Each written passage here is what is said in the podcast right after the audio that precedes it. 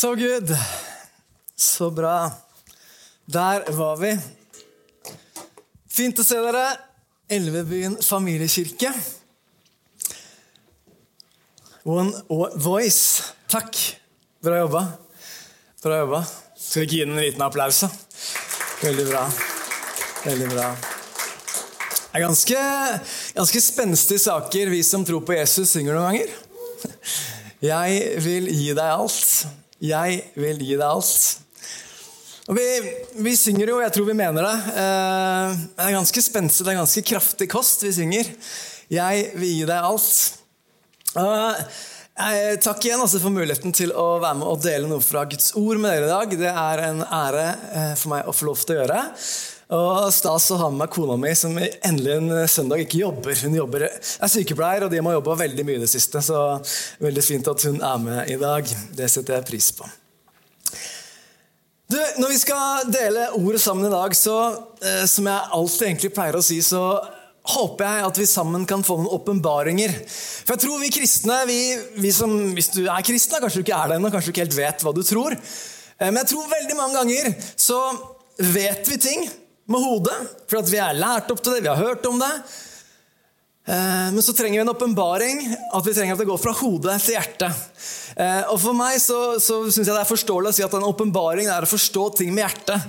For jeg kan godt forstå at Gud elsker meg. Det kan jeg skjønne med hodet mitt. altså Jeg har forstått jeg har hørt hele livet mitt. Men den dagen det droppa ned i hjertet mitt at jeg kjente vet du hva, han elsker meg faktisk, så er det en helt annen ting. Så eh, når Vi skal be en bønn sammen, og jeg vil be for deg og be for meg sjøl at vi kan få noen åpenbaringer. Eh, at vi kan gjøre mer enn å være kristen som skjønner ting på hodet. At ja, jeg vet at Gud elsker meg, jeg vet alt det der, men at vi skjønner det med hjertet vårt. Eh, for da tror jeg det er litt mer fyr på det livet vi lever. Så takker deg, Jesus Kristus, for at du er til stede. Takk for at du er her. Takk for at du er her. Takk for din enorme kjærlighet til oss, Jesus. Takk for din enorme kjærlighet. Takk for denne gjengen som sitter her. Takk for at du vet om hjertet vårt, du vet hvor vi står, du vet hva vi tenker på, du vet hvor vi er i livet vårt. Jeg ber Jesus om den neste halvtimen vi skal ha sammen, så ber jeg om at vi kan få åpenbaringer fra deg. At vi kan se noe mer fra deg, Jesus. At du kan vise oss ting i ordet ditt, vise oss ting om deg sjøl, eh, og vise oss ting om, om oss, hvem vi er i deg, Jesus. Så takker vi deg for at du er til stede. Takk for at du kjenner behovene våre, og takk for at du vil gi oss det vi trenger. Så ber vi igjen for, eh, for, gjengen som eh, er reist ned til Ukraina. Vi takker deg, Jesus, for at din hånd er over dem. Takk at du holder de håndene, du beskytter de, Jesus. Og så ber vi for alle de menneskene som er på flukt, både fra Ukraina, men også fra Russland som, eh, og andre steder i verden. Takk, Jesus, at du er fredsfyrsten. Takk, Jesus, at du er den som kommer med håp midt i mørket.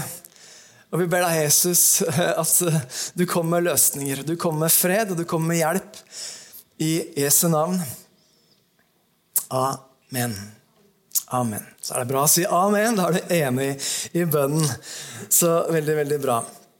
Du, Vi skal lese to steder fra, fra Bibelen her i dag eh, i starten av møtet. Og eh, kan godt hende at du får noe repetisjon fra sist søndag, fordi jeg vet at dere har starta med en serie om Guds egenskaper. Eh, og hvis jeg ikke tar feil, så var det om Guds allvitenhet forrige uke. Kanskje? Yes, dere Noen nikker, det er bra. Og dere andre dere huska det ikke, så da får dere kanskje et repetisjon. Perfekt. Jeg er jo lærer, og vi liker å repetere. Det er som spiralprinsippet. Da tar man opp en hele tiden for å lære ting. Så Vi skal først lese fra Jeremias bok. Profeten Jeremia, to vers derfra. Kapittel 23 og vers 23 og 24. Så Jeremias bok, kapittel 23, vers 23 og vers 24. Der står det noen spørsmål. Er jeg en Gud som er nær, sier Herren, og ikke en Gud langt borte? Kan noen gjemme seg på hemmelige steder så jeg ikke ser han? sier Herren. Fyller ikke jeg både himmel og jord? sier Herren. Så her er det noen spørsmål som Gud egentlig stiller. Er jeg en Gud som er langt borte? Kan folk gjemme seg for meg, så ikke jeg ser ham? Er ikke en som fyller både himmel og jord? Skal vi se om vi finner noen svar på de spørsmålene. David han, eh, han har noen svar på de spørsmålene her i Salmenes bok i Bibelen. Og Vi skal lese en del av Salme 139 sammen. Og Nå kikker jeg bak for om det var noen som skulle hjelpe meg å lese eller ikke. Nei, da skal jeg lese. Og så kan du også lese i din egen bibel, Salme 139. Kan hende kommer opp bak her. Hvis ikke så skal jeg lese tydelig. Så du får med deg Salme 139, og vi skal lese fra vers 1 til, vers, til og med vers 16a. Der skriver eh, salmisten David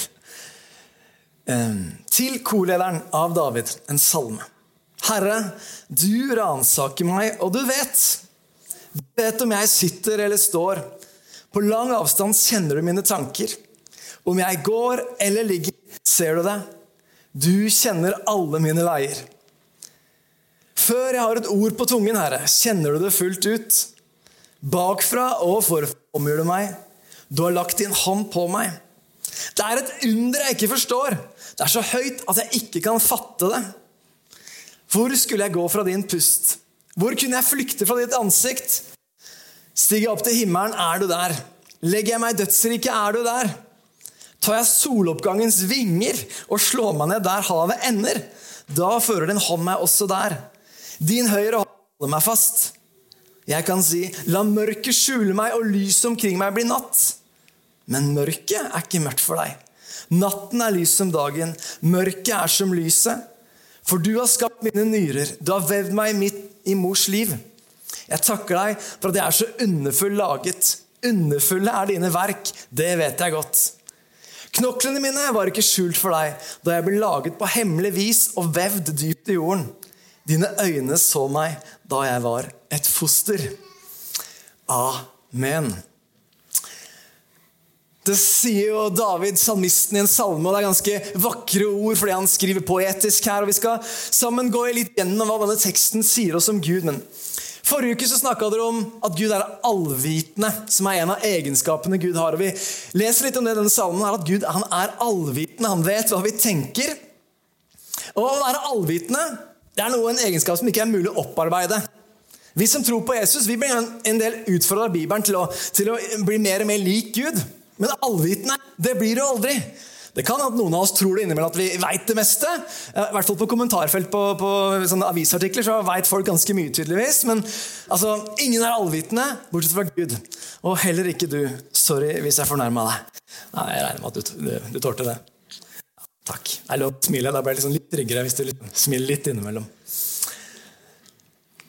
I dag skal vi snakke om en annen av Guds egenskaper, som er egentlig et ganske rart navn det er at Gud han er allestedsnærværende. Gud er allestedsnærværende. Enkelt oversatt så kan vi si at Gud han er overalt. Har du prøvd å være overalt på en gang? Sannsynligvis har du prøvd, eh, men, men vi får ikke til. da. Vi, vi, tenker at vi skal rekke innmari mye.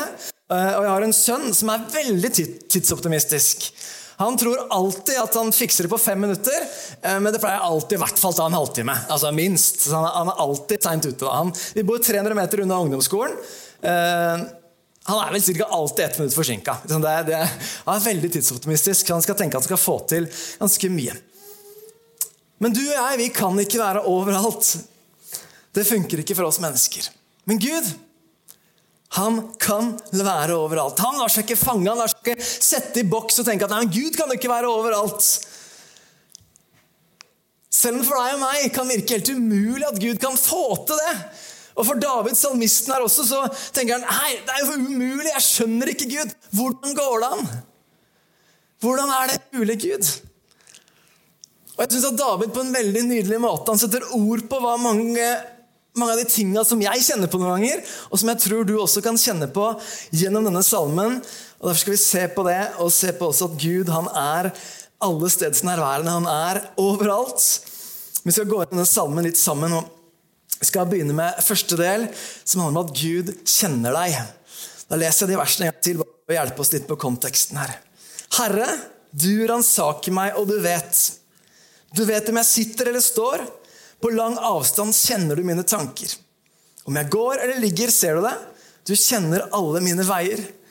Før jeg har et ord på tungen, Herre, kjenner du det fullt ut. Bakfra og forfra omgjør du meg. Du har lagt din hånd på meg. Det er et under jeg ikke forstår. Det er så høyt at jeg ikke kan fatte det. er et under som jeg ikke forstår. Så For Gud han funker ikke inn i vår lille boks. Noen ganger så prøver vi å få Gud til å liksom passe inn. Passe inn i vår forståelse av Gud. Men den dagen du og jeg kan forstå Gud, da er Gud ganske liten. da. I hvert fall hvis, han, hvis, jeg kan forstå Gud, da gjør jeg Gud veldig liten. Det kan godt hende at Du er så smart at det går fint, men for meg så funker ikke det. Jeg kan ikke forstå Gud. Og Det er mange greier jeg ikke forstår i Bibelen heller. Men etter hvert som jeg lærer han mer og mer å kjenne, at kunnskap om Gud går til åpenbaring inn i hjertet, så kjenner jeg mer og mer av hvem han er. Jeg forstår at det at han kjenner meg, det kan jo være litt skummelt. For Gud kjenner meg ut og inn. Han kjenner hjertet mitt. Jeg vil gi deg alt. Så går Gud inn og sier, ja, vil du virkelig det, Arild? Er du egentlig der at du vil egentlig gi meg alt? Jeg vil jo egentlig det, Gud, men altså, det er noen ting jeg gjerne vil beholde sjøl. Det er lov å være ærlig i kirken òg, ikke sant? Det er noen ting jeg kunne tenke meg å beholde sjøl, Gud. Men så veit jo han det. Er det egentlig farlig, da? Om Gud vet det? Skal jeg bli skremt av det? Tenker at Gud han kjenner meg ut og inn. Han vet jo tankene mine, han vet motivene mine, han vet drømmene mine. Han vet frustrasjonen min, han vet frykten min.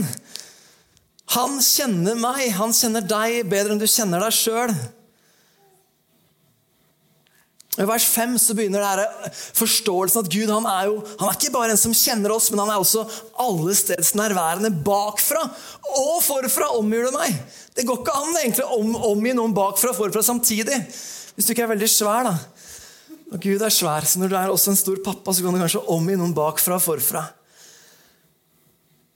I vers 5 så sier David noen veldig gode nyheter. Han sier, 'Du har lagt din hånd på meg'. Vet at Gud, David sier at en frustrasjon er egentlig at Gud han kjenner meg. Han vet alt hvem jeg er. Men så sier han i vers 5.: Du har lagt din hånd på meg. Du har lagt din hånd på meg. Hva betyr egentlig det? da? At du har lagt din hånd på meg. Og vet du hva? I Det gamle testamentet vet du hva det betyr å legge sin hånd på noen? Det betyr å velsigne noen. En far, en god far, det han gjorde var at han, Dette snakka vi om for noen uker siden, om når Jakob ble velsigna. Eh, så snakka vi om at han la sin hånd på ham, og så velsignet han. Så når det står at Gud, du har lagt din hånd på meg Gud har lagt sin hånd på deg, så han velsigna deg. Så sier han hvem du er, hvem han har skapt deg til å være. Så Det er, det er akkurat det her som du bakfra og forfra så omgir du meg, Gud så har du lagt din hånd på meg. Du har velsigna meg. Så sier han hvem han har skapt deg til å være. Jeg kjenner deg. Jeg kjenner motivene dine. Jeg veit hva du tenker på. Jeg veit at du egentlig sier 'jeg vil deg alt', men kanskje egentlig holder Det veit jo Gud. Han veit hva du egentlig vil holde igjen litt på. Han veit hva som bremser deg. Han veit det. Men allikevel sier han 'jeg har lagt min hånd på deg'. Gud kjenner deg. Allikevel så vil han velsigne deg. Så vil han likevel legge sin hånd på deg. Nummer to er at Gud vil ikke slippe deg. For egentlig, når det går opp for oss hvor allvitende og allesteds nærværende Gud er, at han er overalt, at han veit alt, så er det lett å reagere som David. Jeg skjønner ikke Gud. Det er skremmende å vite at han veit tankene mine. Og Det fører at, Gud, at David sier til Gud i vers 7.: Hvor skulle jeg kunne gå fra din pust? Hvor skulle jeg kunne flykte fra ditt ansikt? Stig opp til himmelen, er du der? Legger jeg meg i dødsriket, så er du også der. Tar jeg soloppgangens vinger Det er jo veldig poetisk flott. da, eh, Og slår med der hvor havet ender. Da fører din hånd meg også der. Din høyre hånd holder meg fast. Jeg kan si, la mørket skjule meg, og lyset omkring meg blir natt. Men mørket er ikke mørkt for deg. Natten er lys som dagen. Mørket er som lyset. Til og med i den tiden, perioden i livet ditt hvor du tenker Gud, jeg må vekk, jeg kan ikke ha noe mer med deg å gjøre. Det er for skremmende alt du veit om meg. Det er det en del folk gjør. De løper vekk fra Gud for de tenker vet du hva, du veit for mye, Gud. Jeg klarer det ikke. Men allikevel så har Gud tenkt å etterjage folk. Hvis du tenker at du skal prøve å la Gud gå, så han har ikke tenkt å la deg gå. Selv om vi vender ryggen til Gud, så vender ikke Gud oss ryggen. Han venter. Han venter, og han vil være der. David nevner mange steder han, hvor han kunne prøve å gå og flykte fra Gud. Men så slår han fast i vers 10. I vers 10. Da fører din hånd meg også der. Uansett hvor jeg er i livet, så din hånd meg også der. At Hans hånd fører oss. Det betyr å lede. Hvis noen skal føre deg ved hånden, så, så leder han deg. Så til og med om du skulle være i dødsriket, eller om du skulle komme deg så langt unna som du kunne tenke deg et eller annet sted, så er Gud interessert i å føre deg. At hans hånd holder deg. Hva betyr det? Det betyr at han beskytter deg. Han holder deg, han beskytter deg. Så selv om du og jeg skulle oppleve at det er mørkt, at livet ser mørkt ut, så kan du vite at Gud, han er til stede. Det står til og med at mørket er ikke mørkt for deg. Natten er lys som dagen. Mørket er som lyset. Så Hvis du opplever mørke i livet ditt, som du enten har gjort mange ganger eller kommer til å gjøre, så håper jeg du kan huske en ting, at han Gud, han er lys. Han. Gud så er ikke mørke. Til og med mørke for Gud, det er lys. Det fins ikke mørke i Gud. Hvis du, Den dagen du kommer dit at det er mørkt, så har jeg mitt aller beste råd. Det er å bestemme deg i dag for hva du skal gjøre når livet ditt blir mørkt.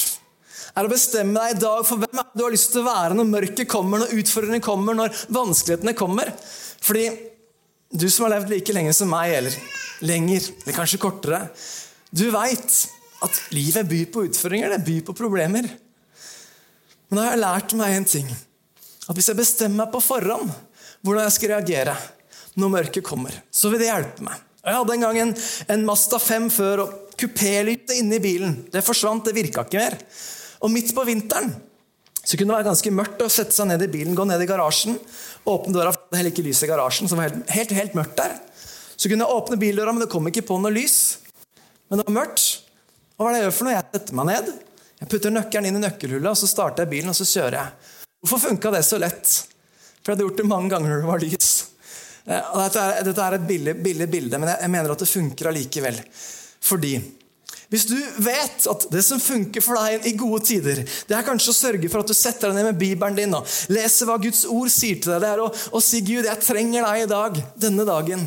Hvis du kan bestemme deg for at det er en rutine uansett hvordan livet ditt ser ut, bestemme deg i de gode tidene på hvordan reaksjonen din skal være i de vanskelige tidene, så tror jeg du kommer deg lettere gjennom også de tøffe sesongene i livet ditt.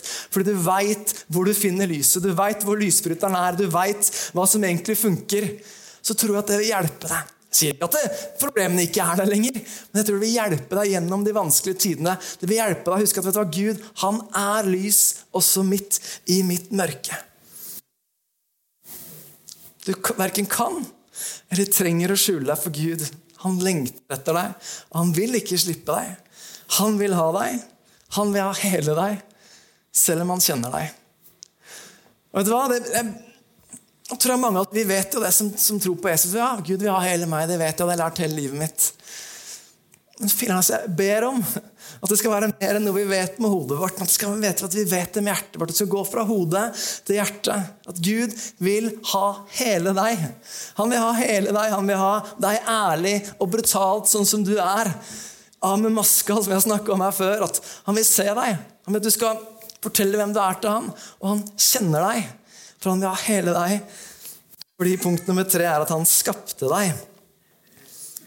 Og Der står det i vers 13 til og med 16a. For du har skapt mine nyrer.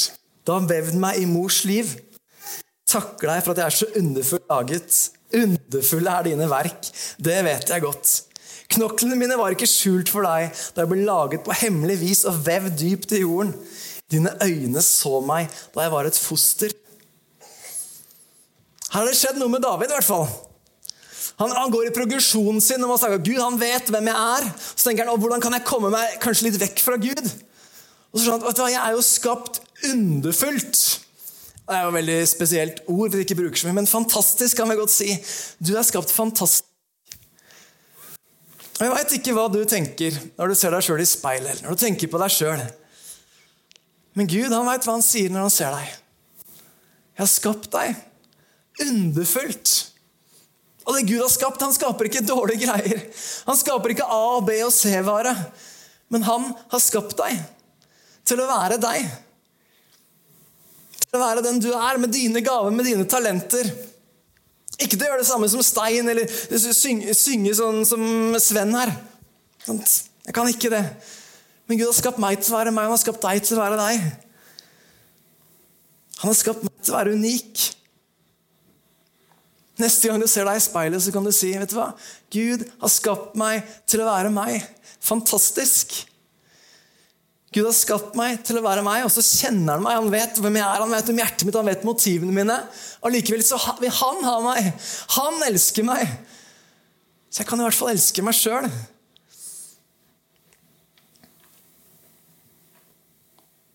Gud skapte deg, og han elsker deg, han vil ha deg. Og han har ikke tenkt å slippe deg.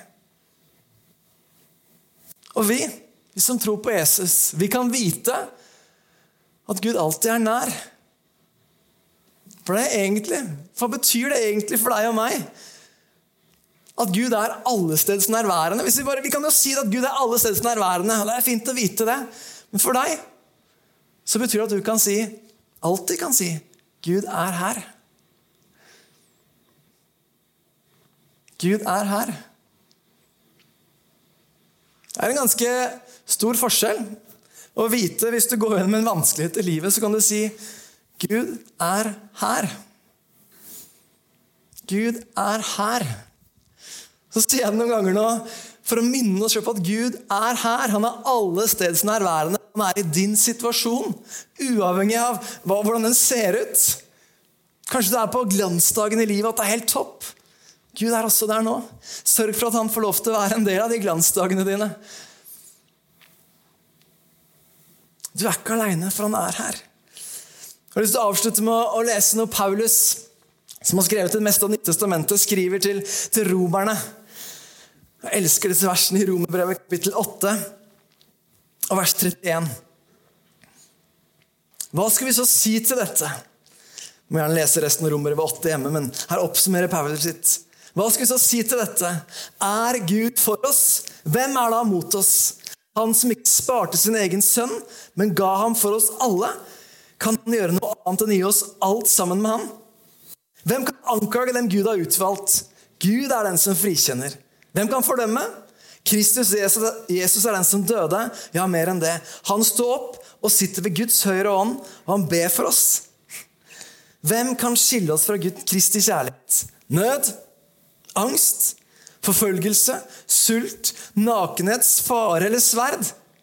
Som det står skrevet, for din skyld drepes vi dagen lang. Vi regnes som slaktesauer. Hør her hva Paulus sier, da. Men i alt dette vinner vi mer enn seier ved Han som elsket oss. For jeg har visst på at verken død eller liv, verken engler eller krefter, verken det som nå er eller det som kommer, eller noen makt, verken det som er i det høye eller i det dype eller noen annen skapning som kunne skille oss fra Guds kjærlighet i Kristus Jesus, vår Herre. Og den Herren, han er her. Jesus er her. Gud er her med sitt nærvær. Han kommer til å være sammen med deg når du går hjem òg. Han er interessert i å være sammen med deg på mandag, og på tirsdag, og på onsdag, på torsdag, og på fredag, og på lørdag og på søndag. Fordi han er nær. Og så er han nær deg og meg når vi søker han, når vi ber han involvere oss i livet vårt. Hvorfor, vi egentlig, hvorfor skal vi kristne drive og be, egentlig? Skal vi prøve å forandre Gud? Nei. Men vi ber fordi at når vi ber, så hjelper vi oss å se på Gud sjøl. Og så blir vi mer og mer lik han, og så hjelper vi oss å tenke som han. Og så minner vi oss sjøl på at midt i våre stormer så er Gud lys. Så er han nær, så er han til stede.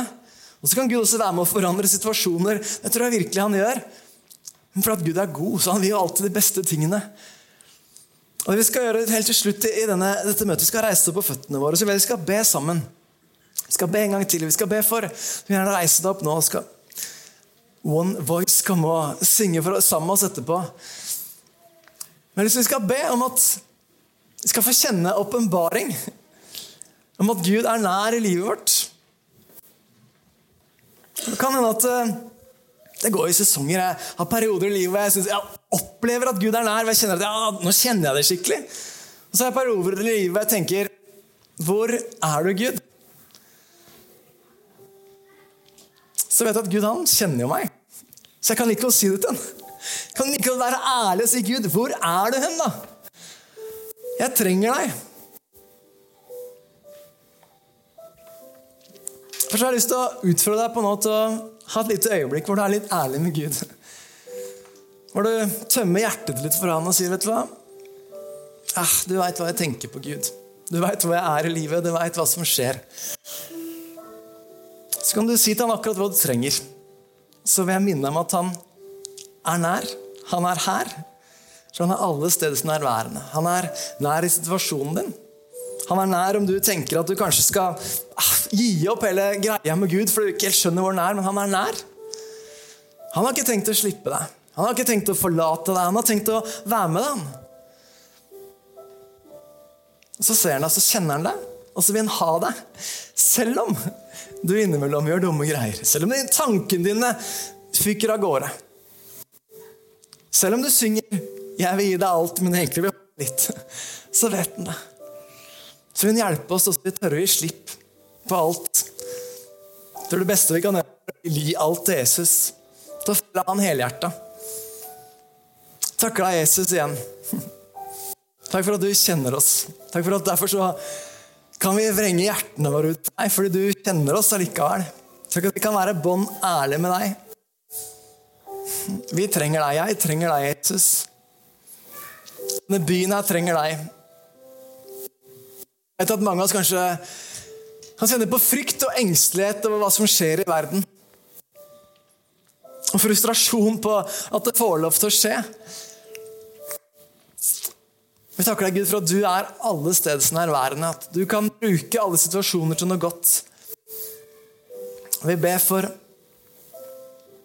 de som er i en situasjon som er dette rommet nå, som har lurt på om de bare skal vende deg ryggen. Takk for at du ikke vender deg i ryggen. Takk at du står med åpne armer nå og inviterer dem inn. Tette deg, Jesus. Takk for at du er nær. Vi gir deg ære, Jesus. Vi gir deg ære.